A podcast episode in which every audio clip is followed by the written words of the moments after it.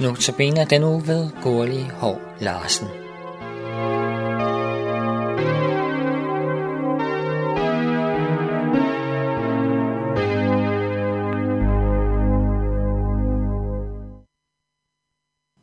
Jeg vil i min andagt tage udgangspunkt i en salme fra den danske salmebog.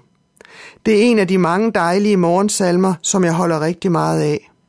Morgensalmer velkommer en ny dag i poetiske vendinger og åbner sindet op for dagen og dens muligheder. Ofte med fokus på lyset, naturen, fuglene, arbejde, kald og stand. Og velsignelsen ved at modtage dagen og livet som en gave fra Gud. Salmen hedder Se nu stiger solen af havets skød og er skrevet i 1891 af Jakob Knudsen, præst, romanforfatter og salmedigter. Salmen indledes med at beskrive solen, der står op og varsler den nye dag. Se nu stiger solen af havets skød, luft og bølge blusser i brand i glød. Hvilken salig jubel, skønt alt er tyst, medens lyset lander på verdens kyst. Må ikke vi mange, der får nogle skønne billeder på nethinden, når vi mindes disse særlige morgener, hvor vi har oplevet en ny dag bryde frem i et væld af lys. Måske har vi også prøvet at opholde os ved havet og set, at solen stod op, og lyset tog til i styrke og genspejledes i havet. En fantastisk smuk måde at opleve en ny dag komme. Men en ny dag kan også stå op indpakket i kedeligt gråt indpakningspapir. Solen er gemt bag sky. Alligevel er det en ny dag, en nyfødt morgen. Trods gråvejr og mulig svær livssituation, er det godt at tage imod den nye dag med tak. Takken åbner os op og ud og væk fra os selv, godt udtrykt i en anden morgensalme. Tak Gud for hver en nyfødt morgen. Tak Gud for hver en dejlig dag. Tak Gud, at jeg i glæden, sorgen er dig til behag. Og tankerne kan også ledes hen på nogle vers fra salmernes bog i Bibelen, hvor der står, Denne dag har Herren skabt. Lad os juble og glæde os på den. Og et andet vers. Om aftenen gæster os gråd, om morgenen frydesang. En ny dag, en ny begyndelse.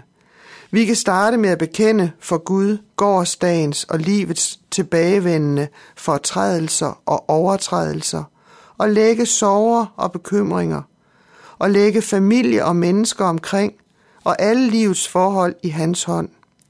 I Klagesangenes bog, kapitel 3, vers 22, står der i den gamle oversættelse, Herrens miskundhed er ikke til ende, ikke brugt op.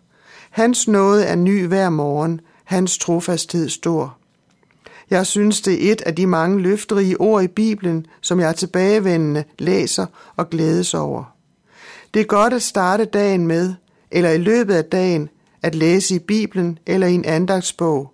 Læse og høre Guds ord som en nødvendighed, ligesom vi har brug for mad til kroppen, så også indtage mad til sjælen og derved holdes i live og styrkes i troen og livet som kristen.